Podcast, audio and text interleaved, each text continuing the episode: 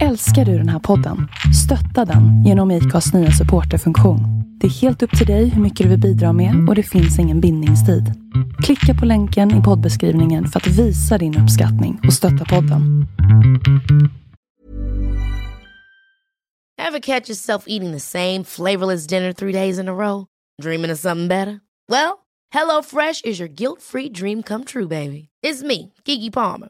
Let's wake up those taste buds with hot, juicy pecan crusted chicken or garlic butter shrimp scampi. Mm. Hello Fresh. Stop dreaming of all the delicious possibilities and dig in at HelloFresh.com. Let's get this dinner party started. There's never been a faster or easier way to start your weight loss journey than with PlushCare. PlushCare accepts most insurance plans and gives you online access to board-certified physicians who can prescribe FDA-approved weight loss medications like Wigovi and Zepbound for those who qualify. Take charge of your health and speak with a board-certified physician about a weight loss plan that's right for you. Get started today at plushcare.com slash weight loss. That's plushcare.com slash weight loss. plushcare.com slash weight loss.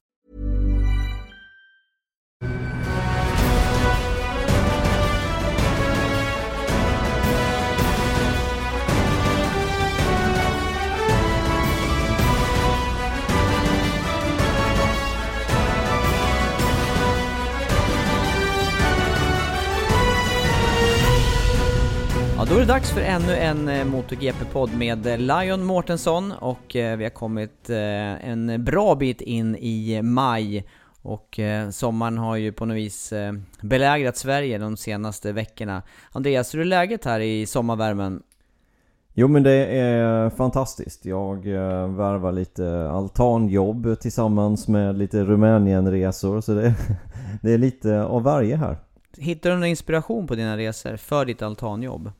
Eller är det, Eh, andra, är det annat syfte med resorna? Ja det är definitivt annat syfte. Det är lite högre arbete på den eh, på Rumänien-arbetet. Ja, jag fattar. Höghöjdsträning, eller vad är det du håller på med där? Ja exakt. ja.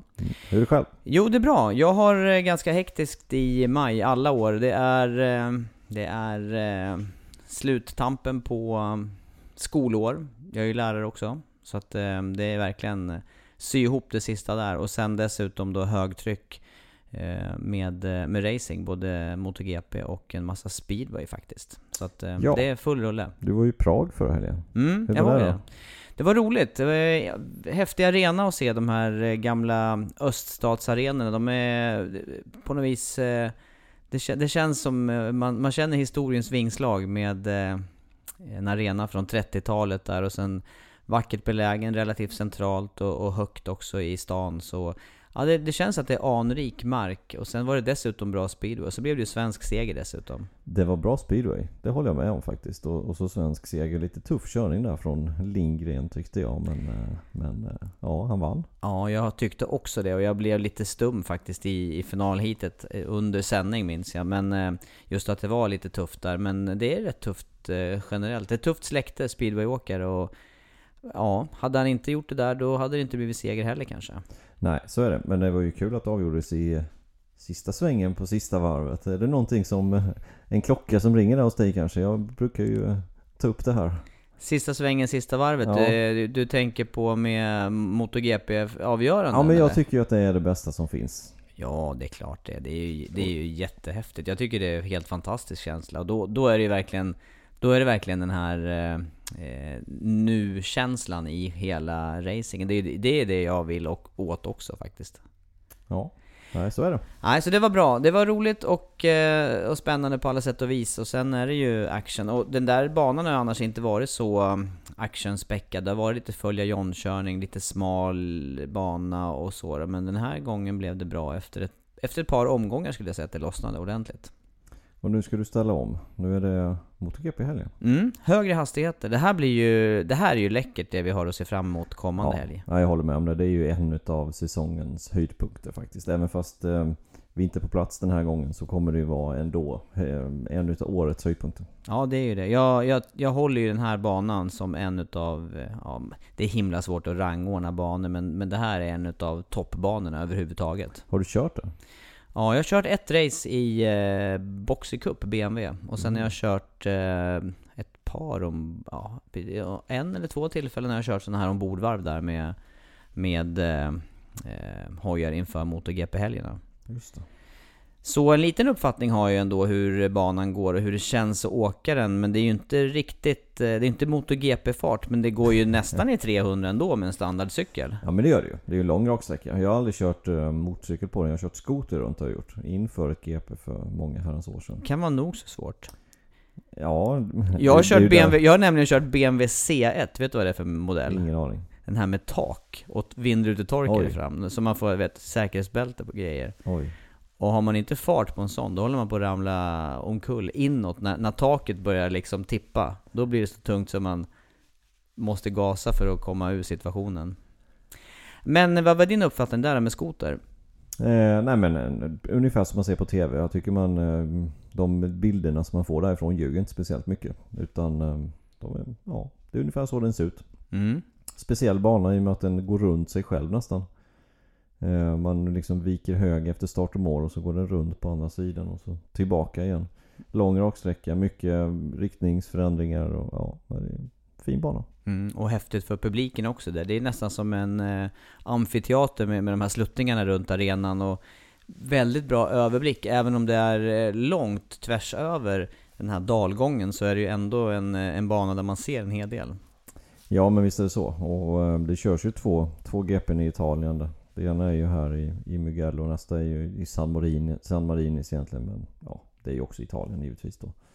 Eh, I Misano. Men eh, vilken tycker du då är, är bäst utav de två? Ja, det är ju eh, den här. Den här på Mugello, är ju, den är ju krångligare på alla sätt och vis att ta sig till och, till och från och men är man väl på plats uppe i, i bergen där ovanför Florens så, så slår ju den här tycker jag. Och, och framförallt då så gillar jag ju när man får se de här cyklarna sträcka ut ordentligt. Här är det ju verkligen, här får de ju verkligen sträcka ut på flera ställen känns det som. Och även snabba kurvpartier. Ja, det, jag tittade faktiskt på ett gammalt ombordvarv eh, tidigare idag. Från Dovizioso förra året. Alltså när han går ut på start och mål och när han touchar kurpsen där ute. Det är ju över 200 km i timmen och då, då, då är inte hojen rak. Nej nej nej, det är precis i utgången där Ja, som det du är säger. precis utgången på liksom den här långa raksträckan. Då är det över 200 km i timmen. Och då kommer sen första lilla krönet där och skickar upp framhjulet i början där precis innan Ja. depåinfarten. Och sen har man då fort, fortfarande en evighetslång raka. Som svänger lite i slutet. Ja, lite både höger, vänster och över, den här vän, över den här blinda krönet på slutet. Det är ju en helt fascinerande bansträckning. Jag tror jag berättade det förra året men jag stod, jag var på GP som var 2006 eh, och hade bra access med bra akkrediteringar så jag kunde stå på eh, vid depåutfarten på höger sida precis när hojarna lägger över till vänster igen i inbromsningen där. När det går 350 km i timmen. Det gjorde det nästan då också 2006. Och när man, när man såg dem rakt framifrån när de då svängde lite höger och sen vänster. Det var svårt att se vem det var. Man kunde se då eh, det var på den tiden när Rossi körde gula, gul cykel tillsammans med Colin Edwards. Det var nästan omöjligt att se vem utav dem det var. Så fort gick det. Helt Ja. sjukt fort där. Ja, de där hastigheterna, jag har också minnen från längre tillbaka när, när eh, man knappt hörde motorljudet men man hörde något som fladdrade och då var det ibland de här skinnställen som är måttsydda och sitter slickat på förarna men det bara slår på axlarna på dem. Ja det, Det- ser den- du faktiskt fortfarande. De bitarna som sitter lite utanför, utsatt i vinden då. Mm, mm. Nej, det, det är en fascinerande helg vi har framför oss här och eh, sjätte deltävlingen för säsongen. Men vi måste börja, tror jag, den här sändningen med att backa tillbaka lite grann till eh, det som hände i eh, Frankrike senast. För det vi snackade om innan där, det var att det var en eh, viktig racehelg, det är det ju alltid, men eh, högt tryck på Sarko naturligtvis, som kvalade bra. Eh, men även de här problemen som vi såg under träningarna med, med risk för krascher, och krascher blev det sen under racet.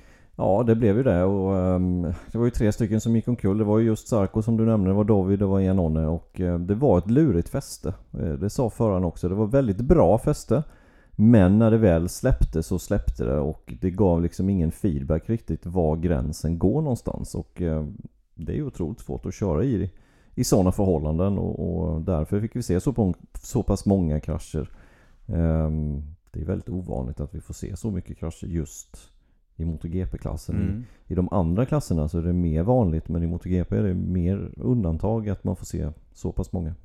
Ja, definitivt om det är torrt och definitivt eh, så många krascher bland eh, toppförare också som det var. Ja, och det var ju ett av de mest kraschrikaste helgerna totalt sett också på, på ett tag. Det var ju Misano förra året. Det, det var ju extremt många krascher där i regnet eh, i alla klasser. Eh, den, den stack ut. Men detta var ett utav de ja, racen med flest krascher i torra förhållanden i modern tid. Men du, apropå krascher också, det här som hände i Moto 3, det var ju total dramatik får man ju säga i slutet på det racet. Ja, ja, ja, jag vet knappt hur det slutade. Till slut det var ju Arenas i alla fall som tog segern där. Men, men eh, ja, det, det blev ju karambolage kan man ju verkligen säga. Ja, och vad jag tänkte på, först så tänkte jag bara på själva kraschsekvensen här med eh, den, den krasch som sitter kvar på näthinnan, det var ju den som, eh, som inte blev riktigt. Cornfail faktiskt klarade sig på hjulen. Vad hände där egentligen? Nej, jag, jag begriper ingenting. Han måste ha kört my- mycket motocross och det sa han ju också att han gav ju lite gas i luften för att landa rätt. Eh, då får man ha sinnesnärvaro. Då, då, det är många timmar träning bakom det där och det sitter i ryggmärgen om man kan göra på det sättet. Men det var ju dessutom så att han landade ju inte helt rakt såg det ut som. Nej. Och, och sen kommer den här eh, avbärarräcket eller vad man nu ska Som går säga. in mot banan igen. Ja, exakt. mm. Ja, det var inte mycket marginal på den där, eh, på den där sekvensen. Har ni inte sett det så ska ni verkligen kolla upp den, det klippet när, när eh, Cornfeld flyger över Bastianinis cykel. Bastianinis ja. ja. Men, men i, i, ihop med det så var det också, för vi skulle kunna skifta lite spår där. Jag tyckte nämligen att det där var ett intressant snack som vi inte riktigt hann fullfölja under sändning. Det här med de här bestraffningarna som utdömdes under racet. Jag, var, jag kände att jag var inte nöjd med det under, under eh, loppet. Nej, eh, men det var nog för att vi inte hade riktigt rätt information. Eh, efteråt så kom det fram information att det här har pratats om. Och de har gjort en liten lathund för det helt enkelt. Att tappar man viss tid så blir man bestraffad med en annan tid helt enkelt. Eh, tjänar man på det eller förlorar man på det? Det beror på hur, man, hur, de, hur domarna ser på det. Och det har de då helt enkelt skrivit ut i regel ja, till det här racet helt enkelt. Eh, som förarna har fått reda på. Eh, och de utdömde bara efter det. Eh, men det, det som är lite det som är lite synd där var att inte det släpptes till media. Så Mm. att vi hade fått reda Ja. på detta. Eh, från början. För det, det vi var inne på i sändningen också att Alltså bestraffningarna det är sånt som tas upp på förarmöte, Safety Commission-möte. Alla förarna vet vad som gäller. Det är inga bestraffningar som bara kommer hux flux. Liksom 1,6, 2,5, 3,8 eller vad det var för någonting till slut. Den känslan fick ju däremot jag i sändning. Ja, men den känslan får man ju om man inte är tillräckligt informerad och vi kunde ju inte vara informerade. Utan det är ju någonting som har kommit fram efteråt här. Eh, och det är ju lite synd. För det, var som, det, det som hände var ju att några förare missade sina spår, släppte ut cyklarna och på något vis genade, jag tänker framförallt där efter bakrakan in i vänster-höger kombinationen som är en liten utsträckt chikan kan man säga. Ja, exakt. Det, var, det finns ju två ställen egentligen på Le Mans just. Det är ju kurva 3-4 och sen så då efter eh, ra- bakrakan. Eh, där det kunde inträffa. Mm. Ja, då blev det straffningar. Men också så som det blev där, det, det går ju inte riktigt fullt ut till förarna vilka bestraffningar som har utdömts och tänkts under racet. Och då kommer vi i den där situationen när det är ett varv kvar och eh, förare gör attacker för att köra om som kanske inte hade varit nödvändiga att göra. Nej, och det, det, det, så var det ju precis med Bisecki. Eh, verkligen. Han, eh, han tappade, han trodde han tappade segern där till eh, Dijan Antonio. Eh, men han kunde ju legat bakom där hur lugnt som helst. Han behövde inte ta det där tajta in i spåret. Han hade vunnit racet ändå.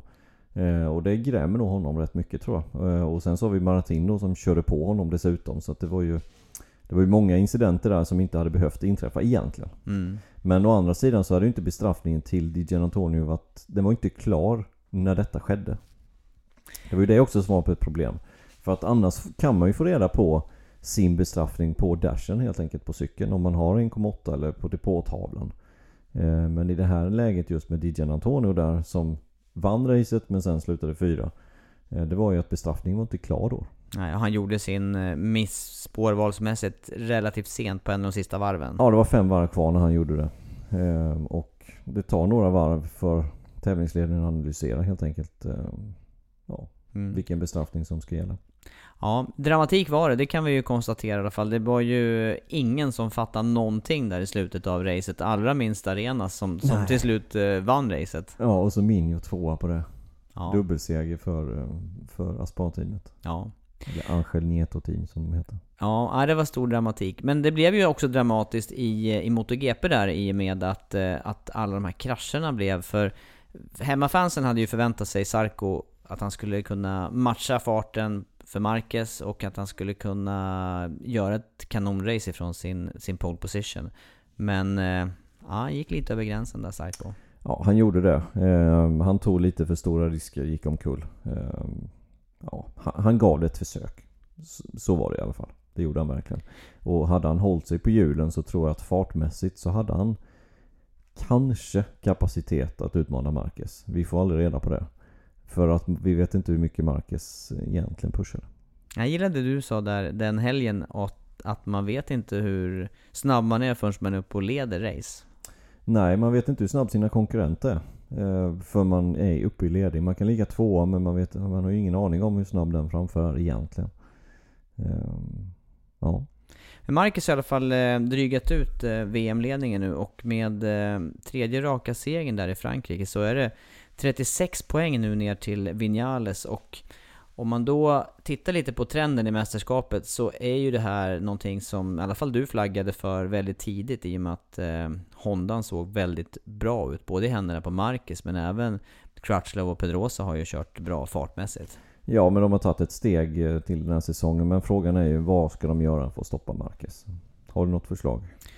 Nej, jag, jag är fortfarande inne på att de här säsongerna som Marcus har varit i MotoGP så han har inte haft perfekt maskinmaterial egentligen någon gång. Det här är kanske bästa tillfället Ja, för honom. så skulle och nu jag har- också vilja påstå. Och nu har han dessutom några års erfarenhet. Han vet hur det är att vinna ett mästerskap. Han har vett ibland och backa tillbaka och han lär sig av sina misstag. Jag tänker på den här kraschen som han gjorde under träning nu i Frankrike i, eh, genom eh, kurva 3-4 där när han kanade åt vänster och inte redde ut sitt framhjulssläpp. Sen hade han ju ett likadant framhjulssläpp som han redde ut i racet. Så att han på något vis, han, eh, han tar ju tillfällen att lära sig av sina egna misstag. Så att, ja, vad ska de göra för att rå på honom? Jag vet inte om du riktade frågan till mig här nu eller om det var...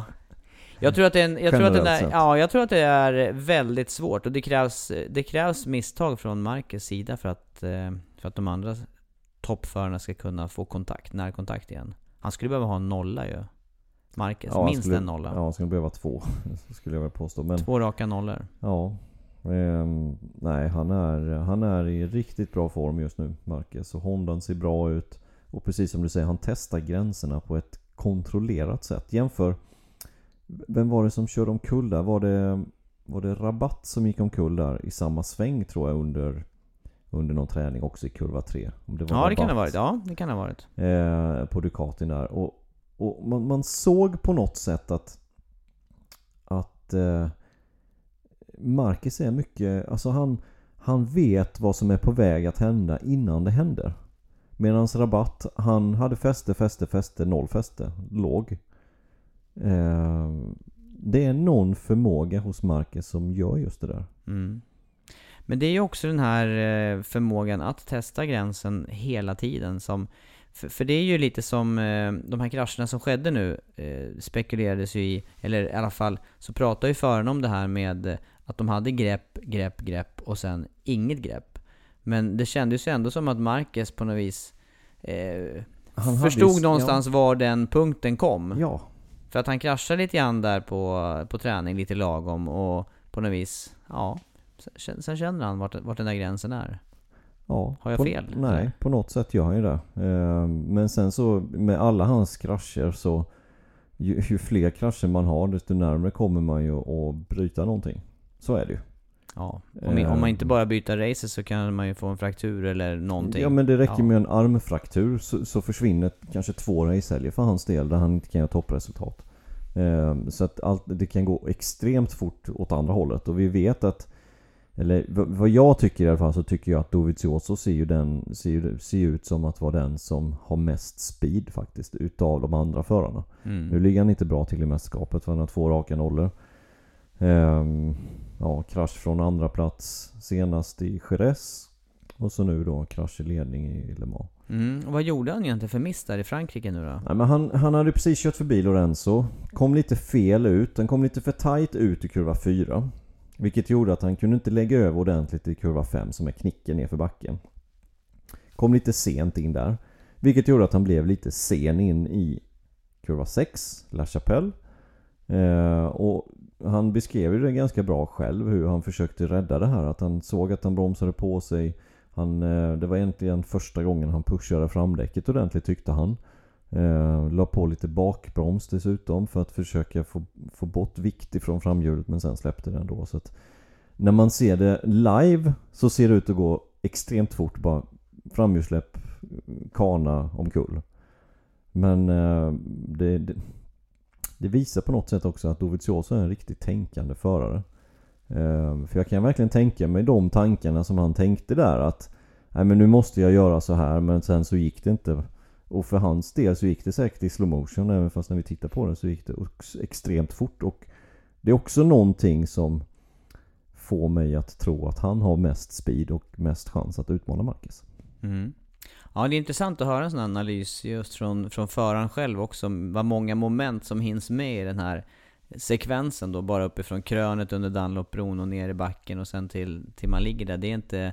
Det rör sig om någon sekund, en och en halv på, på ja, och dessutom i väldigt hög fart där. Ja, absolut. Så, ja, intressant. Ja, men tillbaka till det här med lite, jag, jag, pratade faktiskt med en, en eh, kompis här nu i ett helt annat, eh, ja för ett par veckor sedan, i ett helt annat ämne. Men jag tänkte vi kunde prata om det här också. Och vi, vi pratade om vad är det som gör en, en motorcykelförare, roadracingförare snabb? Vad är det svåraste momentet så att säga som du måste reda ut för att vara snabb. Hade ni en lång eh, diskussion om det sen? Ja, vi, hade, vi hade en diskussion och jag, ja. jag har ganska klara uppfattningar vad jag tycker där. Mm. Det finns en viss sak som man kan avgöra om den här föraren kommer att kunna gå långt i sin karriär eller inte.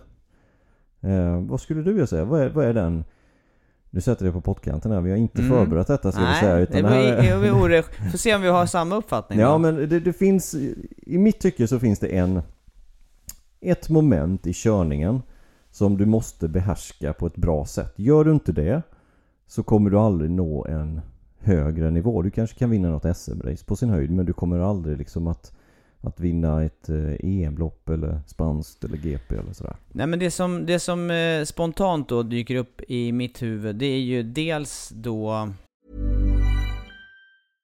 Hiring for your small business? If you're not looking for professionals on LinkedIn, you're looking in the wrong place. That's like looking for your car keys in a fish tank.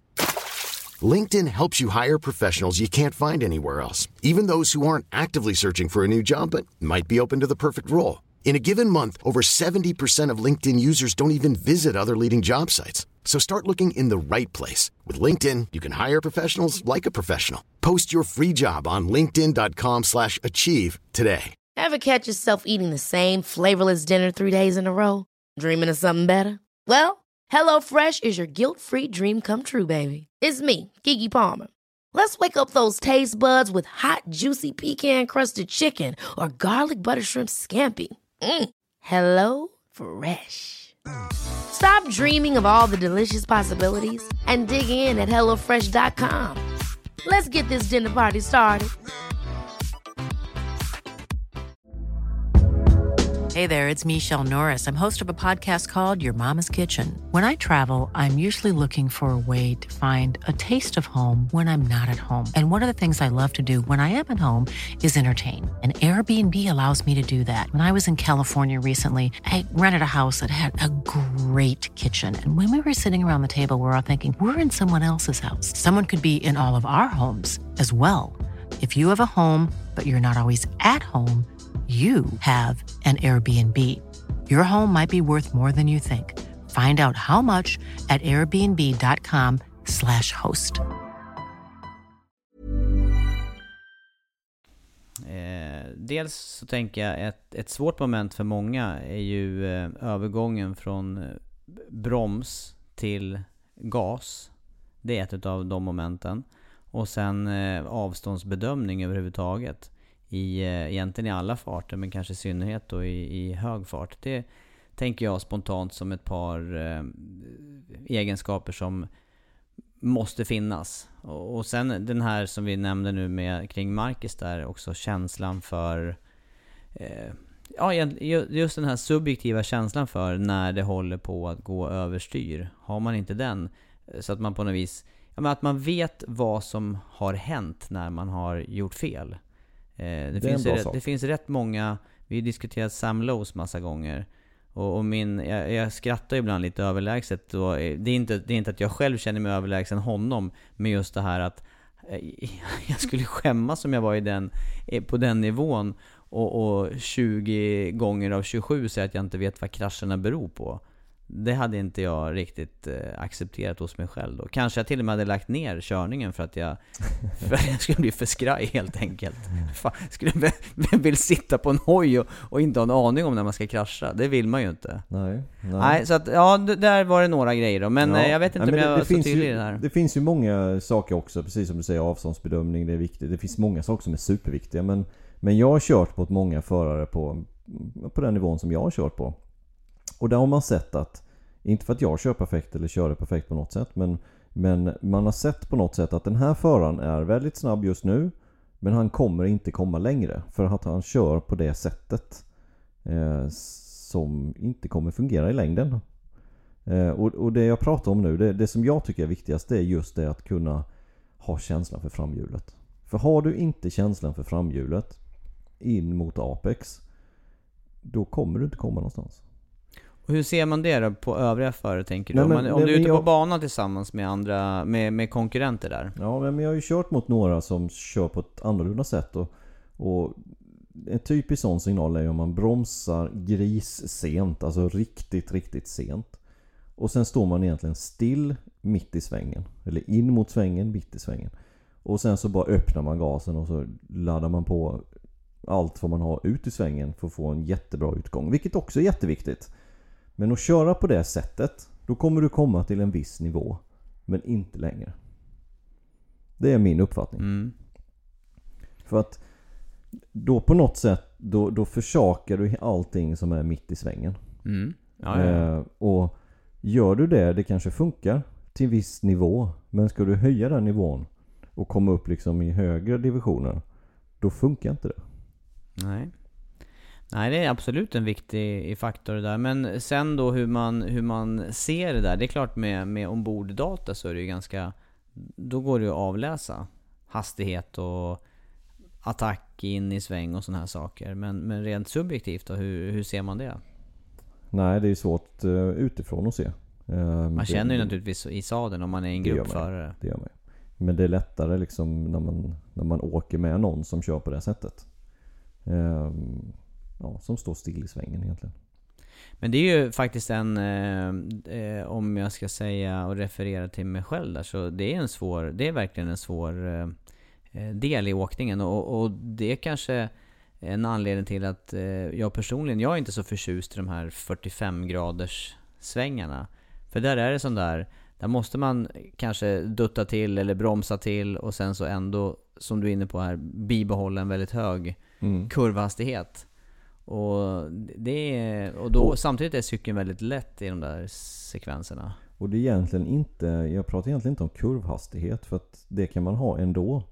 Men, men den här känslan liksom in i svängen, håller fram, alltså precis den känslan du har. Håller framhjulet i eller håller det inte i? När man har den känslan, den som har den känslan bäst, det är den föraren som kommer att komma längst. Så, så skulle jag vilja säga på en, på en, på en enkel nivå. Mm. Det ligger en hel del i det där. Titta, titta på Ross. Nu, nu pratar vi MotoGP helt plötsligt här igen då, men det är därför vi gör den här podden. Vi får prata MotoGP. Men, men kolla Marquez. Kolla Rossi. Vad är det som Rossi som, som han är extremt bra på? Jo, men det är att köra om. Han är extremt bra att köra om och hålla spåret. Det är någonting som jag tycker utmärker Rossi jämfört med många, många andra förare. Ja, ja. Det, det, det där är det, och, och ser man det här på riktigt, de här racen, så ser man ju också vad kort tid förarna har på sig för de här omkörningarna. Och Ja. bestämma sig för att utföra. Jag skulle tippa också på att Rossi ligger kanske allra högst när det gäller utförda omkörningar under, under en säsong till och med. Säkert. Just för att han har, han har en bra känsla helt enkelt för framhjulet. Och det är extremt viktigt. Extremt viktigt. Ja. Och, och tillbaka till Marcus då. Varför är han så extremt snabb? Jo, för att han är... Just nu så är han bäst på att liksom eh, köra på gränsen vad framhjulet håller helt enkelt. Där har ju hans, där har ju hans eh, körstil en, eh, en viktig del också, en viktig roll. Tänker jag, med, med det här med att peta ner armbågen och ligga och, och, och rädda det som många gör då med knät bak. Räddar ju han motsvarande framhjul med, Ja. med armbågen där. Ja, och, och sen så om vi, om vi tänker ut i svängarna, hur svårt det är att köra ut en sväng. Och idag har man hjälpmedel som hjälper ganska mycket. Och det är ju betydligt lättare att häva en sladd när du åker ut ur en sväng än när du åker in i en sväng. Framhjulet är ju, när det väl har börjat vika sig, då, då klarar du en av hundra. Eller två av hundra om du heter Andreas Mårtensson. Heter du Mark Marquez så klarar du 98 av 100.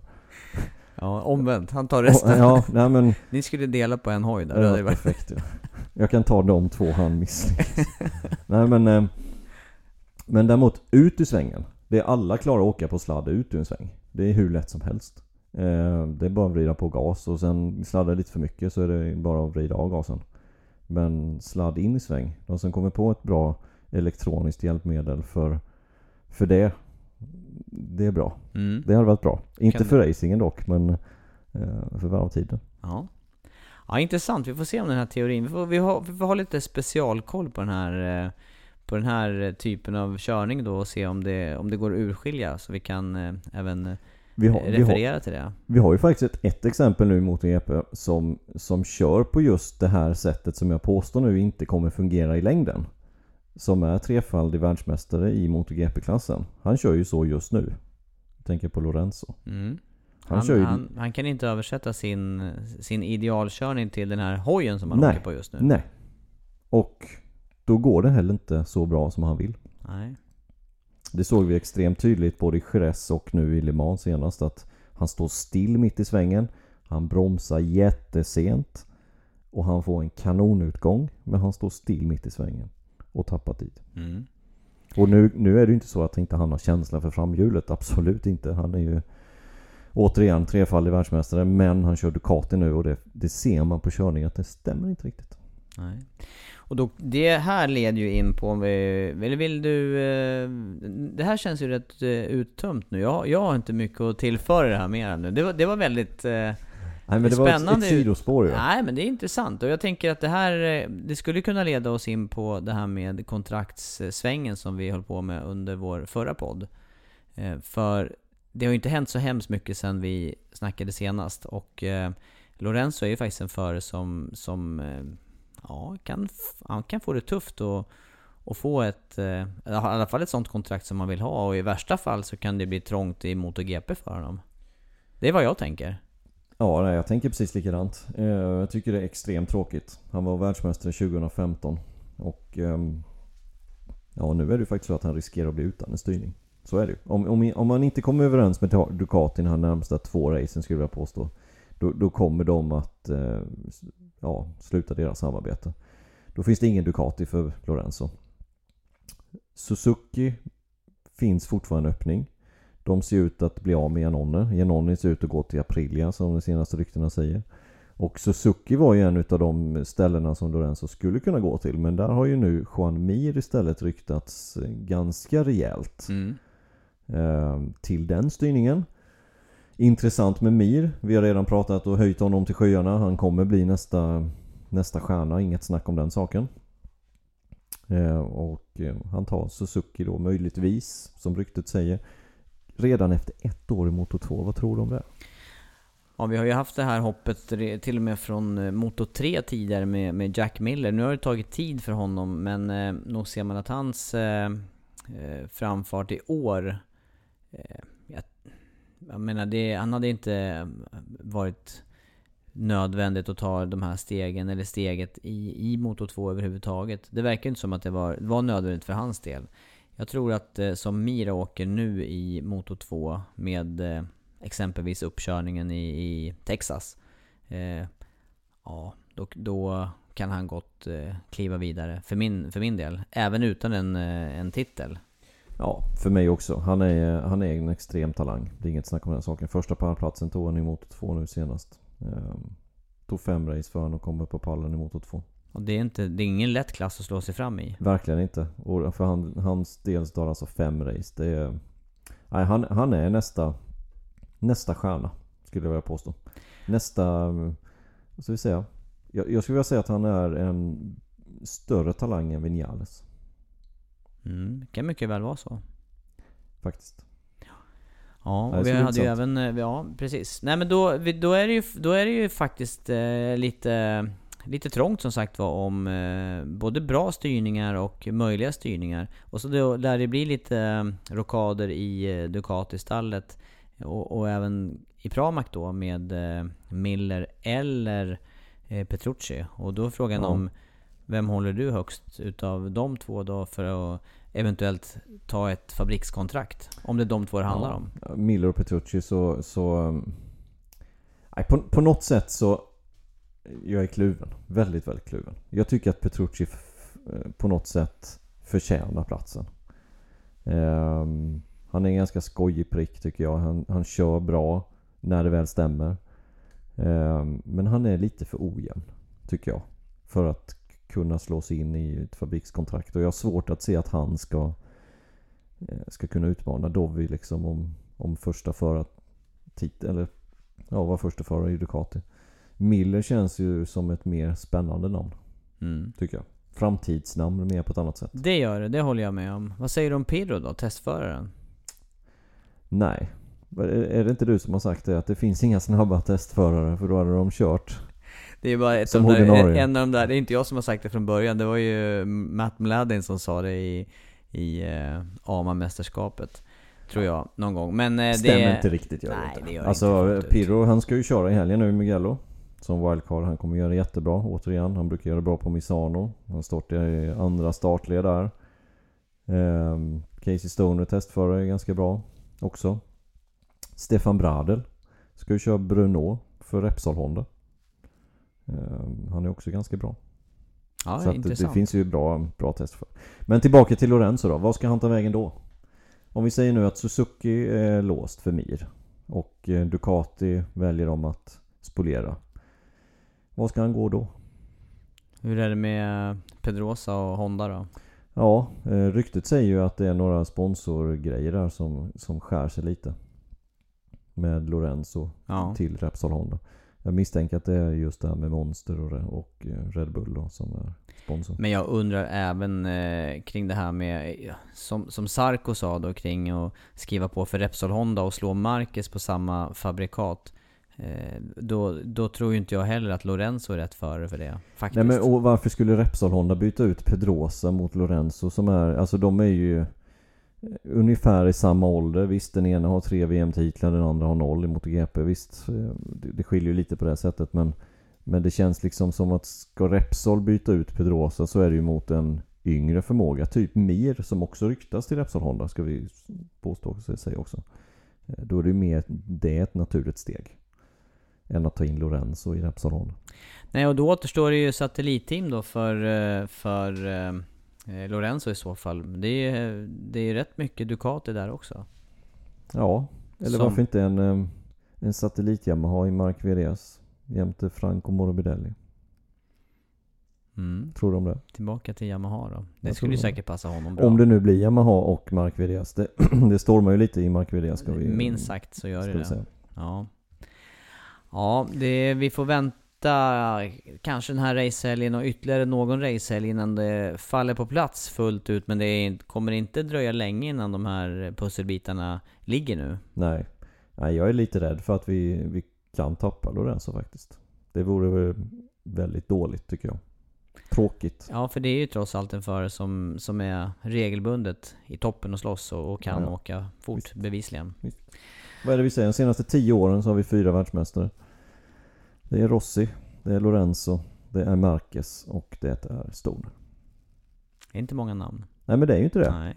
Och tappa då, nu har vi tappat ett. Ska vi tappa ett namn till då? Utav de här heta, Mm. snabba förarna. Nej, vill tråkigt i så Nej, fall. det vill jag, man inte. jag hoppas verkligen att det löser sig för Lorenzo. Eh, med någon, någon typ av styrning. Jag hoppas, jag hoppas faktiskt att han blir kvar i Ducati. Jag hoppas att det blir så att han sväljer stoltheten och eh, skriver på en lönecheck eh, som har färre nollor än idag. Kanske tar, betala tillbaka lite av det han har fått. Det är kanske det som är dealen. Ja. Snälla låt mig stanna, jag betalar för att köra.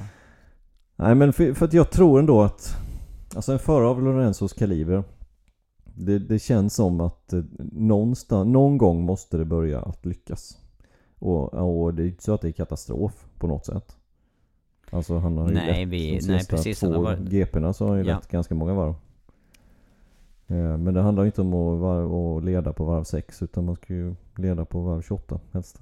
Det räcker att leda över mållinjen. På sista varvet. Vissa ja. Lindgren där i Prag. Just. På sista varvet helst. Sista varvet till och med. Nej vi får se, det är spännande.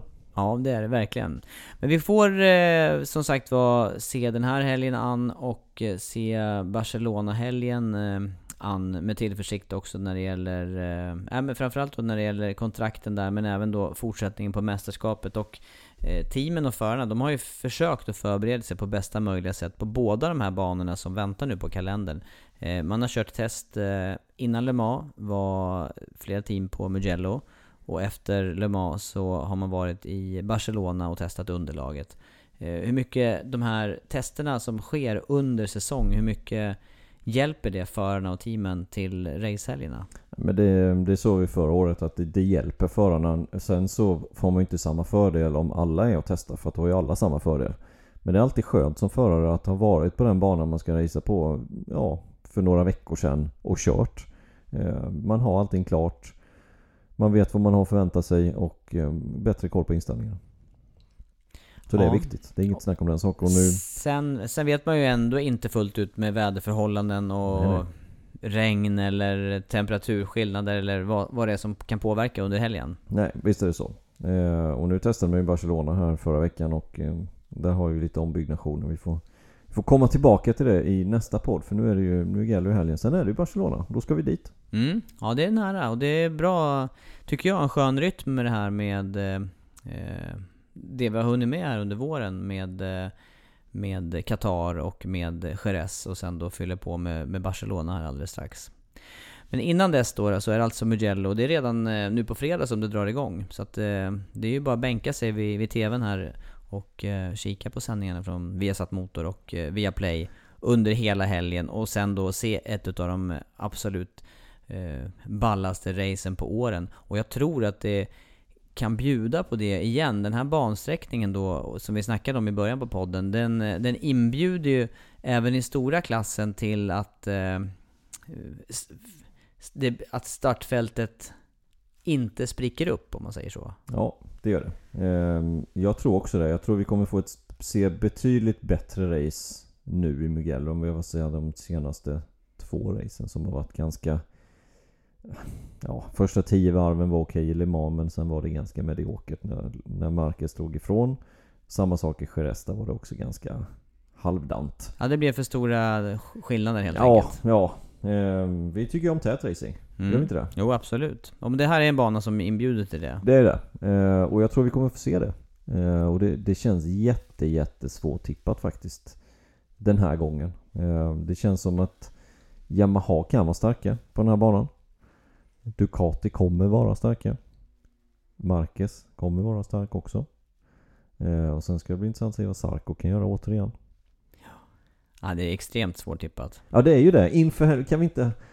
Kan vi inte vänta vi, lite med Vi tippar ju många gånger på en helg. Vi tippar ju inför nu i podden och sen så tippar vi på livesändningen på fredag och sen tippar vi på kvalet och vi tippar hela tiden och det ändrar sig hela tiden. Det är lite, ja, lite och jag vet, jag, jag vet inte ens hur jag ska börja om jag får, om jag får eh, börja och säga topp tre nu så det, det är väldigt öppet det är det faktiskt. Ja det. Ska jag börja då igen? Ja, gör det. Om Ja. du har tänkt. Jag bör, nej jag har inte tänkt heller men jag tänker nu och jag tänker att eh, det blir dubbelt italienskt den här helgen. Det blir Dovizioso som kommer vinna och det blir Rossi som kommer bli två och det blir Marquez som blir tre. Mm, intressant i alla fall, för jag hade också en tanke där med, med tre märken och jag tror eh, att det kan eh, just bli tre märken på pallen. Rossi då i kraft av eh, att han verkligen gillar, kan den här banan och han har ju ett antal segrar på den här banan eh, sen tidigare.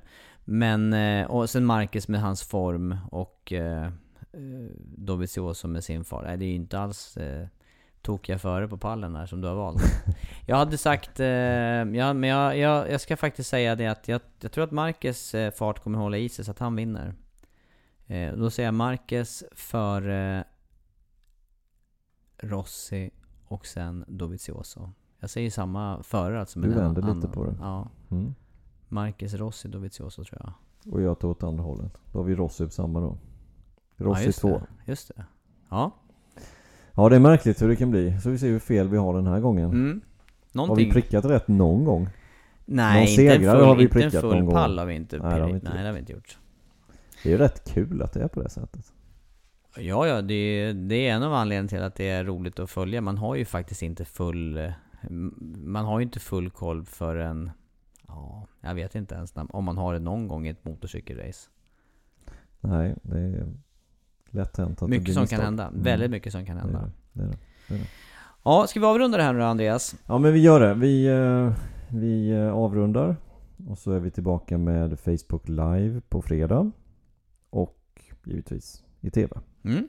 Följ oss hela helgen då, via satt motor och via play. Så tackar vi för den här omgången på, utav MotoGP-podden. Tack ska ni ha.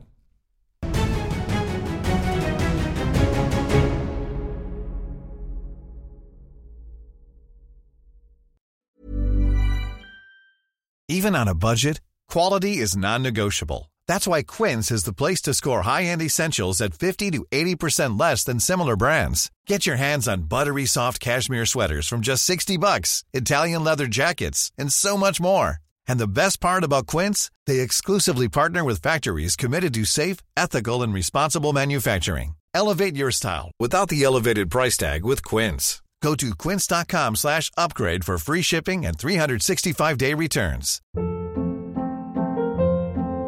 Hold up. What was that? Boring. No flavor. That was as bad as those leftovers you ate all week. Kiki Palmer here, and it's time to say hello to something fresh and guilt-free. Hello Fresh. Jazz up dinner with pecan-crusted chicken or garlic butter shrimp scampi. Now that's music to my mouth. Hello Fresh. Let's get this dinner party started. Discover all the delicious possibilities at hellofresh.com.